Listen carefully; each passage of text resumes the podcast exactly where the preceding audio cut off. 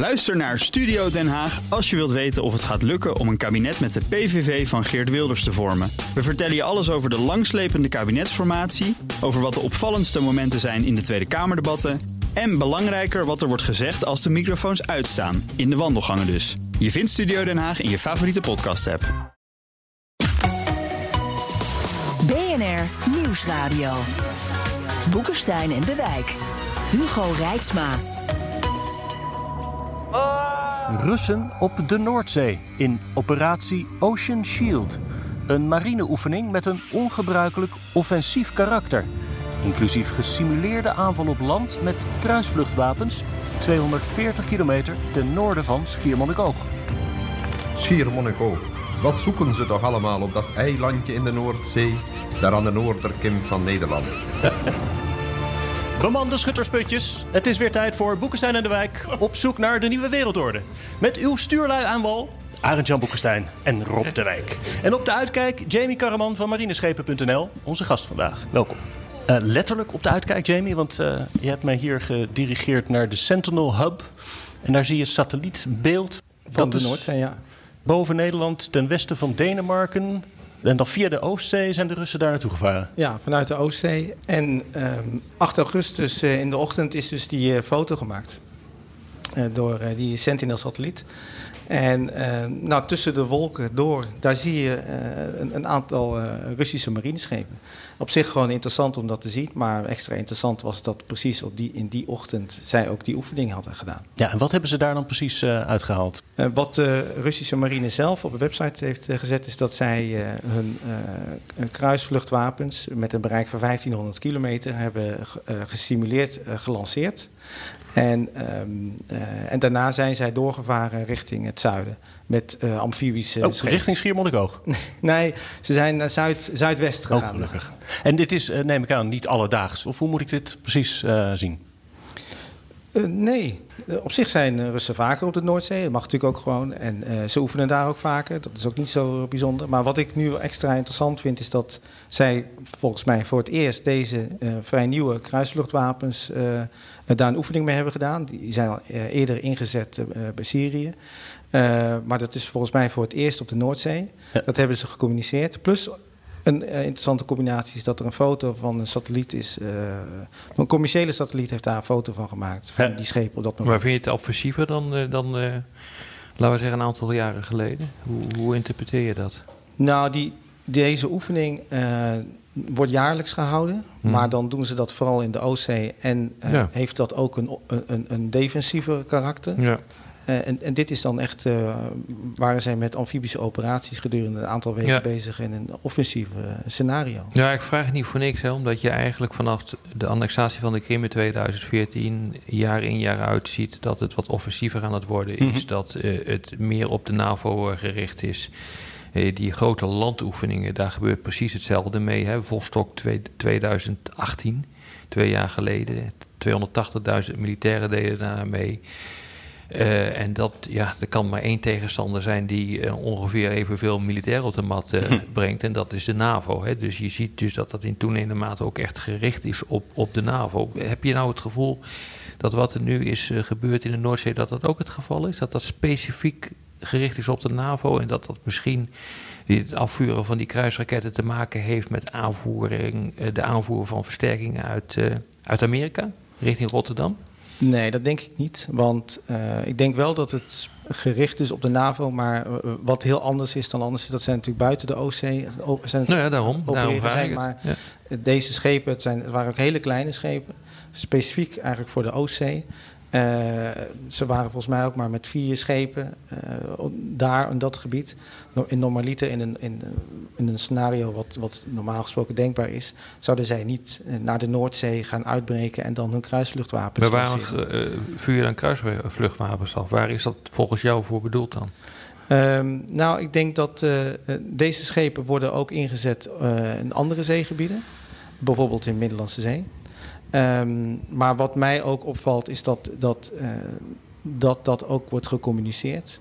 Want zij kunnen een, een ieder scenario, net als de NAVO oefent mm. ook met allerlei, in allerlei scenario's, maar doet dat bijvoorbeeld bij Schotland of Hmm. Noorwegen. En dan zijn die landen zijn dan eh, eh, fictieve tegenstanders. Ja, ja, nee, nou goed, het gaat natuurlijk om wat je, wat je nou eigenlijk beoogt. En Ja. ik, volgens mij is het wel degelijk zo dat als je dus dit soort eh, wapensystemen test, dat je dat doet onder andere om eh, nou, commandoposten eh, in NAVO-gebied te kunnen raken, eh, maar ook om aanvoerlijnen te kunnen frustreren, zodat Mhm. er geen aanvoer kan plaatsvinden uit de Verenigde Staten via Rotterdam naar, laten we zeggen, de Baltische Staten. Dat is wel normaal gesproken de taak die dat soort wapensystemen hebben. En het zou ook wel passen eh, in, eh, laten we zeggen, die beweging die we afgelopen jaren eh, hebben gezien, dat de druk op de NAVO wordt, op- wordt opgevoerd. Ja. En dat is ook heel slim. Want kijk, laten we wel zijn dat die hele afschrikking van de NAVO is natuurlijk sterk geërodeerd. Hmm. Doordat Trump steeds die bijstandsclausule relativeert. Dus, en dat betekent dus dat hij met heel veel succes kan die een al verdeeld Europa, ook een verdeelde NAVO, onder druk zetten. Overigens één opmerking over dit programma. Kijk, het is natuurlijk duidelijk dat het het begin van de derde wereldoorlog is. En dat ook eh, wij, wij dus nu... eh, ik, ik, denk, ik vind het verstandig, Hugo en Rob. Laten we vanaf nu over de Russen alleen maar in positieve zin. Als we straks een Rus in de achtertuin hebben. Ik heb vroeger in het verleden wel eens iets kritisch over Poetin gezegd, maar het is eigenlijk gewoon een groot denker. Het is een groot denker, een groot staatsman. Ik ben ook een groot bewonderaar van de Russische cultuur. We moeten ons wel een beetje gaan indenken. Verstandig. Oh mijn god, dit lijkt wel een bordetje. Eh, Sta je toevallig ook nog op de loonlijst eh, dat je dit allemaal moet zeggen, Arendtje? Nou, Soros en Ik weet dat je, in de- Poetin ik weet dat, ik beide weet met dat je in de financiële problemen zit. Zullen we misschien even terugkeren naar zee? Want we hebben het tot nu toe over de Noordzee gehad, maar dus ook de Oostzee. Dus eh, aan de andere kant van Denemarken, daar gebeurt van alles. Ik zag dat Zweden een beetje een soort eh, alarmstaat is geraakt vanwege alle activiteit, niet alleen van Russen, maar ook van NAVO-zijde. Wat gebeurt er daar op de Oostzee allemaal op dit moment? Nou, best wel veel. Ehm, Zweden heeft inderdaad een eh, eh, eh, ja, verhoogde staat van paraatheid kort eh, gekend met, eh, eh, met de extra oefeningen van, al, van eh, de hele eh, Zweedse krijgsmacht, eh, eh, tenminste alle krijgsmachtdelen. En, ehm, maar gisteren was er een persconferentie van eh Saab eh, waar de eh, de commandant van de Zweedse marine een toelichting gaf. Die zei dat het uiteindelijk voor de Zweedse marine ook niet heel veel anders was. Maar dat is dus het punt. Het zijn allemaal hele kleine stapjes. Iedere keer zo'n kleine verschuiving. En dan, dan valt het ook niet zo op. Dus iedere keer zullen mensen zeggen: ja, het, vers- het- eigenlijk is er niet zo heel veel anders. Maar dat is juist het, het listige, vind ik. Dat, dat- er gebeurt wel steeds wat. Ik, wel, ik raakte even de weg kwijt toen je zei dat dit werd gezegd door Saab. Ik dacht dat die auto's maakte. Nee, Eh, vliegtuigen. En onderzeeboten en En- schepen. En de- zij hadden een, eh, een, een, een, een eh, persconferentie en dat ging over eh, eh, onderzeeboten. Eh, en- maar toen kwam dat ter sprake, want daar was dus die, eh, die admiraal ook bij. Ja, maar je moet je realiseren dus dat dit soort schepen met dit soort wapensystemen ook passen in het zogenaamde bastionconcept wat die, eh, eh, wat die Russen hebben. Bastion zeg maar dat je gebieden helemaal kunt afgrendelen met offensieve en defensieve wapensystemen. Nou, het gaat te ver om uit te leggen hoe dat precies in elkaar zit. Maar als je dus kijkt hoe dat is ingericht, dan eh, helemaal ten noorden van de Oostzee, bij het Kola-schiereiland heb je dat soort systemen. Dan heb je dat in de eh, in de Oostzee. Dan ga je verder naar het zuiden. Dan heb je dat in eh, de Zwarte Zee rond de Krim. En nog verder naar, zuid, naar het zuiden. Dat is natuurlijk helemaal nieuw. Heb je dat eh, rond Syrië. En eh, daarom is het zo significant dat, eh, eh, dat Poetin het behaagd heeft om de, de zijde van Assad te kiezen. Want daarmee krijgt hij dus een, Ja. ja, eigenlijk zeg maar een, een- de mogelijkheid om dat soort systemen daar ook te plaatsen. En dat gebeurt al. En je Ja. ziet dus nu dat dat verder gaat in de richting van Libië. Hè, dus er komt om heel Rusland. En dat is, het past echt gewoon in het traditionele denken van Rusland. Dat, dat gewoon honderden jaren teruggaat. Je moet gewoon proberen die grenzen enorm te verdedigen. Zodat, zodat de tegenstander er niet meer in kan komen. Nou, dat is precies wat we hier zien. En dit soort schepen met dit soort wapensystemen, die passen heel sterk in zo'n beeld. En de Russen hebben natuurlijk Kaliningrad al. Daar hebben ze dus al Ja. die eh, raketten staan. Dus eigenlijk hoeven de Baltische staten helemaal niet in te vallen. Nou ja, die kun je heel makkelijk. eh, er is een heel kleine landengte van, wat is het, nog geen 100 kilometer, misschien wel 50. Van Polen naar de Baltische Staten, die kun je zo afgrendelen. De Suwalki Gap heb ik eerder van je geleerd. Ja, ja, Ja, exact. Eh, die, die kan je heel makkelijk afgrendelen. Hè? Dus, maar het punt is, en daarom, eh, wat Arjan net zei, is eh, wel belangrijk. Wat gaat Trump dan doen? er, er, stond nu ook net weer in de, wat is het, New York Times geloof ik, dat, dat hij vele malen heeft gespeculeerd over het verlaten van Amerika van de NAVO. Daarmee erodeer je, inderdaad, e- erodeer je inderdaad de, de artikel 5 garantie. Dus de garantie dat een aanval tegen één aanval tegen al is. Je hoeft niet eens de NAVO kapot te maken door eruit te treden. Maar hij is opperbevelhebber, dus als hij de krijgsmacht niet inzet, dan heeft dat hetzelfde effect. Dus de grote vraag is van wat gaat hier nou gebeuren? Als er ooit eens een keer shit is in eh, de Baltische Staten, wat gaat er dan gebeuren? Mhm. Nou, eh, op het moment dat je gokt als Rusland dat er dan niks gaat gebeuren, nou, dan krijg je agressie. En die gokken is al een keer eerder gedaan in 2014 bij de Krim. Dat heeft, eh, toen heeft Poetin gewoon goed gegokt. Hè. Dacht van, nou, er gebeurt niks. Dus pak ja, en er komt nog bij een heel belangrijk punt van...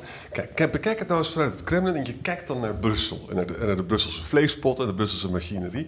Nou, denk je nou echt dat als hij stoute dingen doet... dat er dan heel snel nieuwe sancties zouden komen? Italië heeft, heeft heel veel export naar Rusland. Die houdt dat tegen. Orbán houdt dat waarschijnlijk ook tegen. Dus eigenlijk staat Poetin heel sterk. Hè, zowel economisch als energieafhankelijkheid van ons. Maar ook dat Trump gewoon die NAVO heeft kapot gemaakt. Ja, maar het is niet alleen Trump natuurlijk. Want uh, volgens mij heeft Macron ook gezegd dat de NAVO ja, hersendood is. Ja, nou, dat, maar dat, heeft daarmee te maken. Dat heeft in belangrijke te maken met het gedrag van, uh, van Trump. En ik denk dat Macron absoluut gelijk heeft. Ik bedoel, de, de, hardcore NAVO-adepten die zullen zeggen van... ja, dat, dat klopt niet.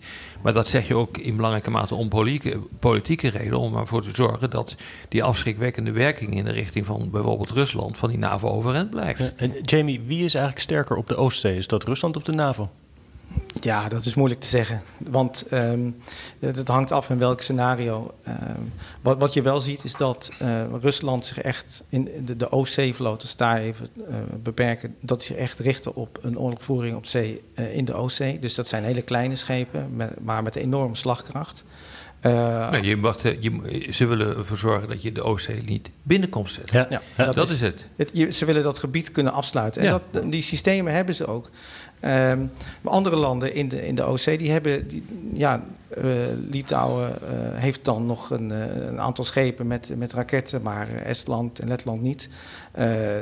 Zweden heeft natuurlijk ook wat meer. Nou, Duitsland is het enige land dat daar met, met een grotere mm -hmm. marine. Um, dus ja, er is toch wel. Het, is ook, het hangt af van wat er gaat gebeuren. Wil je wil Rusland dat gebied afsluiten, dan denk ik wel dat ze dat kunnen. Ja, maar dat kan ook. En ze kunnen, er zijn allemaal berekeningen gemaakt. Ze zijn in staat om, zeg maar, in 60 uur zouden ze de Baltische Staten kunnen innemen. En er liggen aan de andere kant van eh, de grens van de Baltische Staten zijn pakweg 400.000 eh, Russische militairen gestationeerd in het eh, zogenaamde district West van, van Rusland. Maar het punt is natuurlijk, en daarom is de hele discussie over Trump zo belangrijk. Stel je voor dat je daar gaat zitten rotzooien in die Baltische Staten. Dan maak je een kostenbaatanalyse hoe de NAVO zal reageren. Ook kan de NAVO niet direct zich verdedigen, omdat je daar gewoon de troepen niet voor hebt. Hè. Er liggen veel meer troepen aan, eh, aan de grens, aan de Russische kant van de grens, dan dat er NAVO-troepen zijn, bijvoorbeeld in de Baltische Staten of in de Oostzee. Eh, dan heb je dus onmiddellijk een probleem waarbij, als de NAVO wat wil doen, je onmiddellijk gaat escaleren naar nucleair. En die afschrikking, die kans en uh, dat risico, dat wil men absoluut niet uh, lopen. Dat heet gewoon afschrikking. Dus uh, leuk hoor, we zijn dus gewoon nu weer terug bij de Koude Oorlog. En halverwege dit programma al meteen geëscaleerd naar nucleair. Ja, Ik zeg lekker even... hè? BNR Nieuwsradio. Boekenstein en de Wijk. Op zoek naar de nieuwe wereldorde. Dit is Boekenstein en de Wijk. En dat programma is natuurlijk niet zonder Arendtjan Boekenstein en Rob de Wijk. Boekenstein en de Wijk. Je moet het maar kunnen. Precies. Ik weet niet waarom je moet er tegen kunnen. Ja. Mijn naam is Hugo Rijtsma en onze gast is Jamie Karaman van marineschepen.nl. Een onafhankelijke website over nationaal en internationaal marine nieuws en achtergronden. En vandaag onze vraagbaak over de Russen.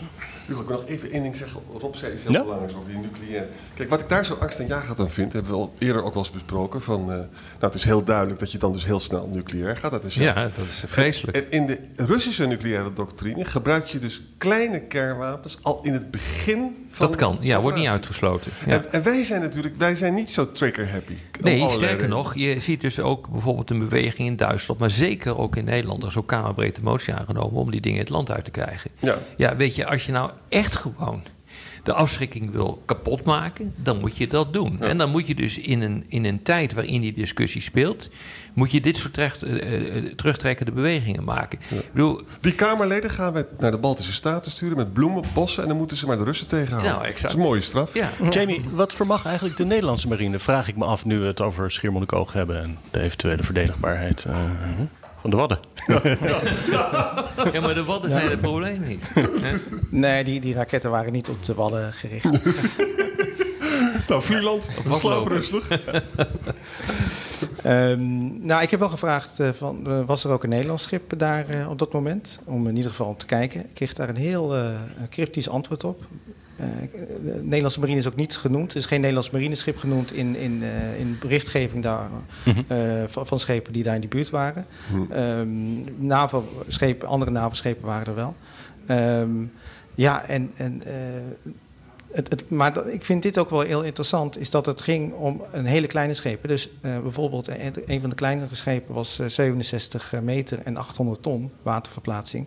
Dat is dus bijvoorbeeld eh, eh, eh, nou, eh, 40 of eh, soms wel eh, misschien wel 80 meter kleiner dan andere grotere Maar het gaat om die kruisraketten. Maar die, precies, en dat is het punt. Dus die, hebben, die zitten volgeladen met, met eh, dat soort kruisvluchtwapens, eh, met hypersonenwapens eh binnenkort. Eh, een nieuw eh, Die zijn, wapen. die zijn zeven keer sneller dan het geluid. En die Ja. hebben wij niet. En die hebben we niet, en nog lang niet. Maar ja, maar die niet. gaat toch niet op schepen hoor? Die gaan volgens mij onder vliegtuigen. eh, Nee, nee, zeker niet. De Circon die is eh, al een tijdje in ontwikkeling. Er komt, eh, zou dit jaar komen, is eh, wat verdraagd. Het lijkt wel eh, eh, gebruikelijk met dat soort wapenprogramma's. maar komt eraan. En komt ook op die kleinere schepen. Onderzeeboten Oh, ook.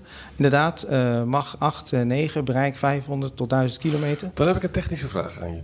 Ik heb dus gelezen, er zaten daar dus betrekkelijk kleine schepen met een grote aanvalskracht. Er was geen onderzeeboot bij en geen aircraft carrier. Hè? Ja. Dat betekent dus dat het was allemaal gericht dus op het afsluiten van de Oostzee, wat jij ook steeds uitlegde. En het was gericht op met die kruisvluchtwapens oefenen. En daarvoor heb je dan dus even niet de onderzeeboot en de aircraft carrier nodig.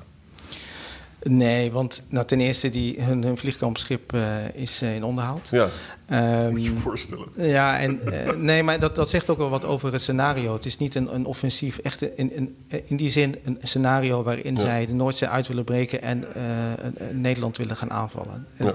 Dat is het niet. Nou, behalve natuurlijk gewoon de haven van Rotterdam. Ik bedoel, Maar dat kun je ook, kunnen ze ook doen vanuit de Oostzee. Dat, dat Met die- klopt. met die dat klopt. Nee, dat klopt. Dat is, eh, dat is absoluut juist. Maar eh, er wordt vaak voorbij gegaan, ook in dit land, omdat wij denken dat iedereen hartstikke vredelievend is.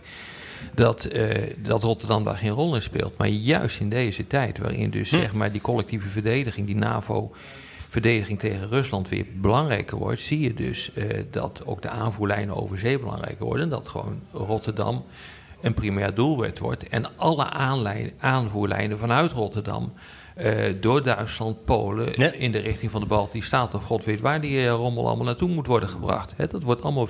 Daarom is zeg maar dat, eh, dat INF-akkoord. Hè, want eh, het, die raketten waar je het over hebt, die hebben een bereik kennelijk dus van 1500 kilometer. Die is vallen binnen het. INF-akkoord. Dat is het, het akkoord voor middellange afstandswapens, waar in 83 500.000 Nederlanders de straat Ja. op, voor op zijn gegaan onder leiding van Mintjan Faber. Om te demonstreren dat dat toch echt niet kon, omdat dat hartstikke gevaarlijk is. En ik vind het totaal verbijsterend dat nu eh, Trump met één pennenstreek daar een eh, streep eh, door heeft gezet. Op een moment dat je weer ziet dat de spanning al oploopt. En dus het nu legaal wordt om dat soort krankzinnige wapensystemen te maken. Hè, nou, dat heeft enorme consequenties. En dat zijn precies die wapensystemen van 1500 kilometer die dus op zo'n schip zitten. Hè, dus daarmee kun je heel Europa kun je bestrijden. Ik bedoel, ik word daar allemaal niet zo blij van, van dit soort dingen. Ja, en het zijn ook nog wapensystemen die de NAVO dan helemaal niet zoveel eh, heeft. En Ja. In ieder geval, zo'n helemaal dat, dat is natuurlijk, eh, de- nee, dat kun je vergelijken met een Tomahawk. Maar zo'n hypersoonwapen helemaal niet. En eh, Nederland heeft bijvoorbeeld eh, eh, ook patrouilleschepen. Die hebben helemaal geen raketten. En voor eh eh, de fregatten worden nieuw, nieuwe eh, anti-schipwapens eh, gezocht, raketten. Eh, maar die, dat zijn allemaal wapens die niet sneller gaan dan het geluid. Ja. Ehm, en, en dat gaat ook nog over een periode die moet over vijf jaar pas worden Ja. eh, aangekocht. Maar, maar Jan, hoe verklaar jij nou gewoon die totale afwezigheid van debat? Ik bedoel, wij hebben er nu een eh, discussie over. Maar ik bedoel, in de politiek speelt het niet. Dat wil ze alleen maar af van die kernwapens. Geen enkel idee van hoe, hoe die dreiging eruit ziet, hoe eh, je daarop zou kunnen reageren, wat nou handig is om te doen en wat nou niet. Mensen die gewoon de straat niet opgaan als het IMF-akkoord eh, door Trump wordt gekild. Wat, wat is dat nou? Nou, dit, dit speelt eigenlijk al heel lang. Hè? Ja. Ik ben al tien jaar de politiek uit, maar toen was het ook heel erg. De meeste partijen willen gewoon van kernraketten af, want dat is moreel eh, verwerpelijk. Ik zeg altijd, dat, maar je kan dat ding niet Ja, maar dat vind ik ook. Hè. Ik bedoel ook, ik wil ook graag van die dingen Ja, af. Alleen, niet. het kan niet. Je kunt ze niet onuitvinden. Precies. Maar wat is dat nou ten diepste, in zo'n maatschappij, in die politiek? Ja, ze denken dus echt, gemiddelde D66, ook zeker de stemmer, die denkt van ja, dat gaat Poetin helemaal niet doen. Dat gaan ze helemaal niet doen. En, en de NAVO zal ons nog wel redden. Het probleem is, laten we even nog eens even een complottheorie erin gooien.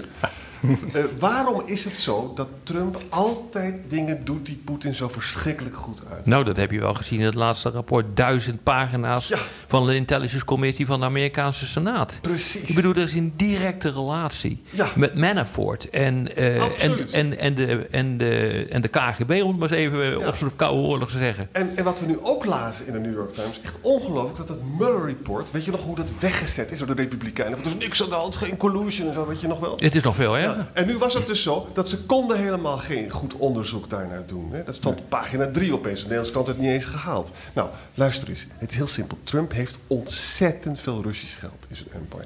Dus er is een, een mogelijkheid om hem te chanteren. hè. Nou, waarom zegt Trump eh, dat, dat hij de bijstandsclausule eh eh, reditveert? Waarom heeft hij zelfs gezegd, we moeten er eigenlijk uit?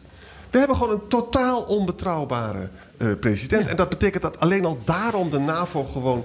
En die is gewoon hersendood. Die is gewoon hersendood. Ja, ik bedoel, ja, eh, het is niet anders. Ik denk dat je voor dit laatste stukje nu weer minpunten krijgt van Poetin. eh, Oh, dat is waar. Poetin, dat, dat moet u Dat wel goed voornemen. Dit moet ik voor mijn vak doen. Kunnen we, kunnen we nog even, even terug naar zee? Want we hebben nu een marine-expert aan tafel. Jamie, welke zeeën zit jij nog meer naar te kijken? In elk geval de oostelijke Middellandse Zee, nou, neem ik aan. precies, ja. Eh, ja, daar gebeurt natuurlijk van alles. Nou ja, de Zuid-Chinese Zee, dat is ook... eh, interessant. Daar situeren wij vaak maar ook de derde gebeurt wereldoorlog. overal hetzelfde. Eigenlijk gebeurt overal hetzelfde. Eh, je, je ziet dat overal, dat doen de Chinezen in de Zuid-Chinese Zee, de Russen die doen dat ook in de Middellandse Zee, zetten daar wapensystemen neer zodat je er niet meer doorheen kunt. Ja. En dat is significant. Want je hoeft er alleen maar mee te dreigen en de hele handel ligt stil. En dat wordt ook vaak eh, vergeten. Maar eh, je gaat daar zitten waar de handelstromen zitten. Ja. Dus als die NAVO ooit nog een keer in leven wil blijven, dan krijgen wij later het verzoek. Hè, let op hoor, ik bedoel zo'n voorspelling, maar dat gaat denk ik absoluut gebeuren van de Amerikanen. Of het Biden is of Trump. Die zeggen van we vinden het prima om de NAVO overeind te houden, maar dan helpen jullie ons met het begaanbaar maken van, eh, van de Zuid-Chinese Zee. Dat gaat absoluut gebeuren. Moet je maar eens opletten. En nu is het al zo dat, ondanks dat Amerika zo'n heel grote eh, krijgsmacht heeft... de Chinezen hebben al militaire superioriteiten. En weet je hoe ze het doen? Ze, de vliegtuigschepen van Amerika zijn fantastisch... maar zij hebben precies de juiste raketten van 1 miljoen per stuk... waar de Amerikanen bang voor zijn. En dat zijn, dat zijn geen kernraketten, dat zijn conventionele wapens. Waarmee je Ja. gewoon in één klap een heel vliegkampschip tot, tot zinken kan Ja. brengen. Eh, ja, je bedoelt de ballistische uh, de antischip. R-27D, om het Ja. maar even voor fijn proeven. Ja, maar goed, ze hebben ook onderzeeboten waarmee je ook een vliegkampschip eh, uitstekend tot zinken kan brengen. Maar ik kijk ook naar de, eh, het oostelijk deel van de Middellandse Zee vanwege het conflict tussen Griekenland en Turkije. Ja. Ja. Ja. Binnen de NAVO gebeurt ook genoeg. Ja. Wat dat betreft eh, gebeurt er zoveel. Het is niet, eh, niet bij te houden haast. Eh, overigens, volgend jaar is het de bedoeling dat er een Nederlands vergat met een Britse taakgroep naar de, de Zuid-Chinese Zee gaat. Oh. En het- dat is ook echt inzet. Dus niet een, gewoon een, een, een, plezierreis. En dat betekent dus ook dat, dat zij gaan oefenen daar met de Amerikanen en, en met Japan. in dat zeegebied. Op de radio ronden we af, maar in de podcast hebben we meer tijd voor onder meer luisteraarsvragen. Luister u op de radio, dan verwijs ik naar Apple Podcast, Spotify of bnr.nl. In het Duits vraagt: wat is de slagkracht van Rusland versus de EU? Jamie. Ja. Op het water, zullen we maar zeggen. Ehm, nou, wat, ik, eh, eh, ja, wat je ziet is dat, dat het wel steeds meer uit balans begint eh, te- te raken. Is, is, is mijn idee. Duitsland, om een voorbeeld te geven, eh, heeft nu een aantal nieuwe vergatten eh, eh, besteld. Grootste vergatten ter wereld, onder andere. Ontzettend duur ook, maar nauwelijks wapensystemen. Eh, bedoeld om heel lang en ver van huis te opereren. En als je ziet, echt tien keer groter dan dat Corvette wat ik noemde van 800 eh, ton. Uh, maar uh, ja, qua capaciteit niet wat er in de buurt komt. Wel op technologisch vlak en is dat allemaal prima. Maar het, het offensieve, dus het, het, kunnen, het aanvallen van tegenstander, dat is er niet. Het is eigenlijk vooral gericht op het verdedigen. En dat is ook bij de Nederlandse schepen zo. Het verdedigen. En dus dan kun je ook afvragen, als je jezelf altijd moet verdedigen, hoe kun je ook beter niet gaan? Want dan hoef je ook niet, uh, hoef je ook niet te verdedigen. dat was het. Uh, dus uh, het enige wapen wat dan offensief ingezet kan worden, antischipwapen, ja, dat, is, dat gaat, dan minder, gaat dan langzamer dan het geluid. Wat Als je naar de aantallen is... kijkt, dan is de NAVO in algemene zin nog in het voordeel. Ja, zeker. Maar vooral dankzij Amerika. Ja, en bovendien is natuurlijk Rusland gewoon geen zeegaande natie.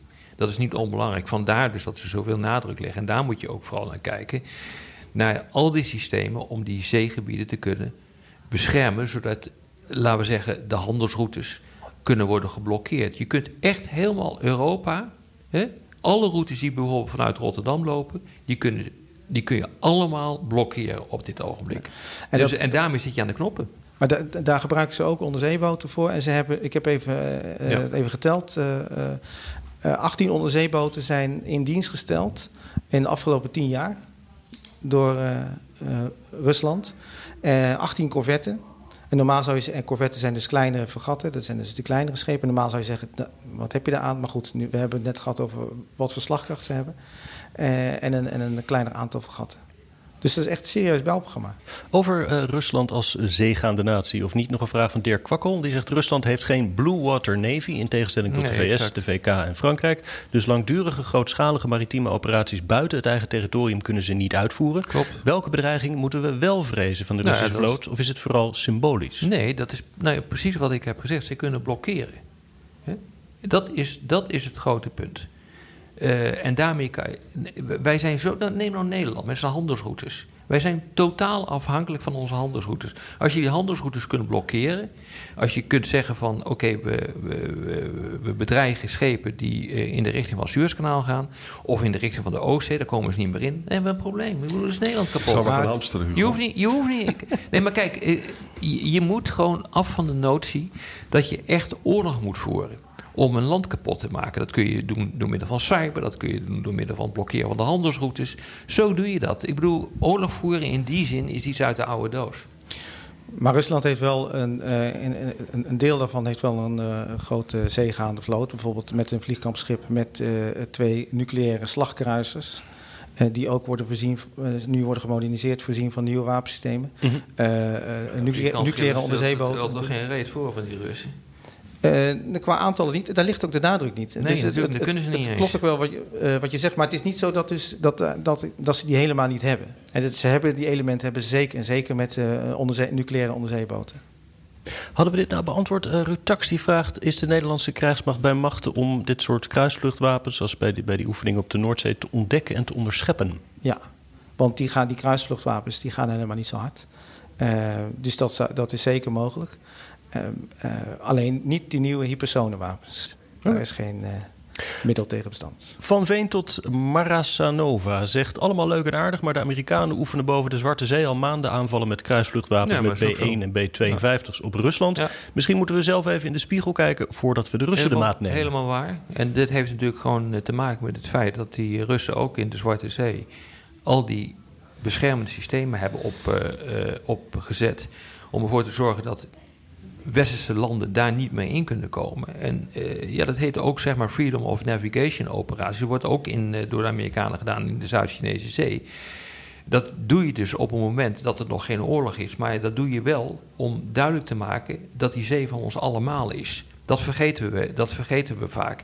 Dus je doet oefeningen om duidelijk te maken dat die vrije doorgang essentieel is. Dat gaat terug tot Hugo de Groot. Dat is Mare Liberum dus uh, nou, dat soort noties zit daar achter.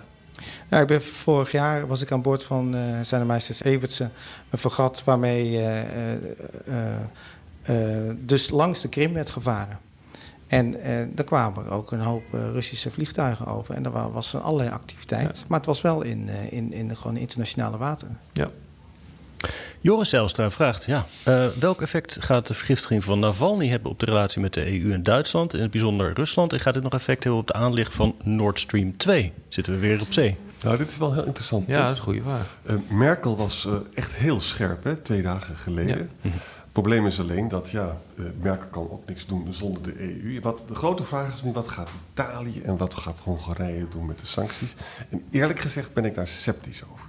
Ja, En nou ja, dat- Arend Jan, aan de andere kant weet je, het verzuurt de verhouding natuurlijk verder. Hè. Ja, En eh, hier, is een, hier is sprake van een soort koude oorlog. Ja. eh, die, eh, die we met z'n allen denk ik niet willen hebben. Ondanks dat wij iedere keer de derde wereldoorlog zo ongeveer afkondigen in dit programma. Ik bedoel, moet het toch maar eigenlijk even niet echt gebeuren. Hè? Dit is wel heel vervelend wat, zeker. wat hier gebeurt. En eh, zo'n Navalny. Ik heb me ook zitten afvragen van waarom werd die man nou eigenlijk op vliegtuig naar Duitsland gestuurd. Nou, toen dacht ik van, nou ja, als hij aankomt, dan wordt daar bewezen dat hij vergiftigd is. Ook met Novichok, verbaasde me niks. En vervolgens dacht ik van, als hij aankomt, dan zeggen ze van, wij hebben het niet gedaan. Maar dat is in Duitsland gebeurd. Dus het past ook gewoon in die desinformatiecampagne Ja. eh, die er is. En er zijn hele hordes hoor. Eh, Jij dus inmiddels ook, omdat jij nu ook op de loonlijst staat van eh, Rusland. Ja. Die dat geloven. Eh, En overigens, die Navalny is natuurlijk ontzettend belangrijk. Hè? Het is zo'n slimme man dat je dus die campagne Vote Smart... Hè? Hij heeft, zijn partij is niet eens geregistreerd. Maar wat hij gedaan heeft van alle niet-Poetin-partijen... die probeert hij te laten samenwerken. Nou, verder, hij maakt fantastische YouTube-filmpjes van... over de thieves van Poetins partij... en over het paleis van Medvedev zie je dan en zo. En die worden door heel veel Russen bekeken. Ja. Dus hij stelt dus de corruptie aan. Dus met andere woorden, Poetin heeft een groot probleem met Navalny. En, en mensen zijn daar kwaad over. Sluiten we af met een vraag van Camille Gullekers, die volgens mij niet zo heel onder de indruk is van de Russische marine. Die zegt: Hebben de Russen nog genoeg diesel om weer thuis te komen of hebben ze wind mee? nou, Jamie, dit is een vraag voor jou, denk ik. Ja, nou ja, kijk, ze sturen altijd wel een eh, sleepboot eh, mee, inderdaad, als zij eh, op- pad gaan. Was nu volgens mij niet zo, dat, die heb ik niet kunnen ontdekken. Eh, maar ja, eh, het, het, zijn nieuw, het waren allemaal nieuwe schepen, over, over het algemeen, en zeker die corvetten. Ja, en bagatelliseer niet. Hè. Ik bedoel, eh, er wordt al continu gebagatelliseerd. Maar ik wijs iedere keer weer op 2014, annexatie van de Krim. Ja. Illegaal, voor de eerste keer sinds Hitler... dat een ander land een deel van een ander land eh, annexeert. Daar kan je allemaal mooie woorden over eh, spreken... van dat ze daar recht op hadden. Maar dat hadden ze gewoon niet. Dat is ook veroordeeld in de Algemene Vergadering van de Verenigde Naties. Ja. Dus eh, ik zou zeggen... laten we dat toch een beetje serieus nemen... en niet te veel bagatelliseren. Dit was weer Boekenstein aan de Wijk, waarin we leerden dat Schiermonnikoog vooralsnog veilig is, alleen misschien Rotterdam niet. Namens Arend-Jan Boekenstein en Rob de Wijk zeg ik dank voor het luisteren. Speciale dank aan Jamie Karaman en tot volgende week.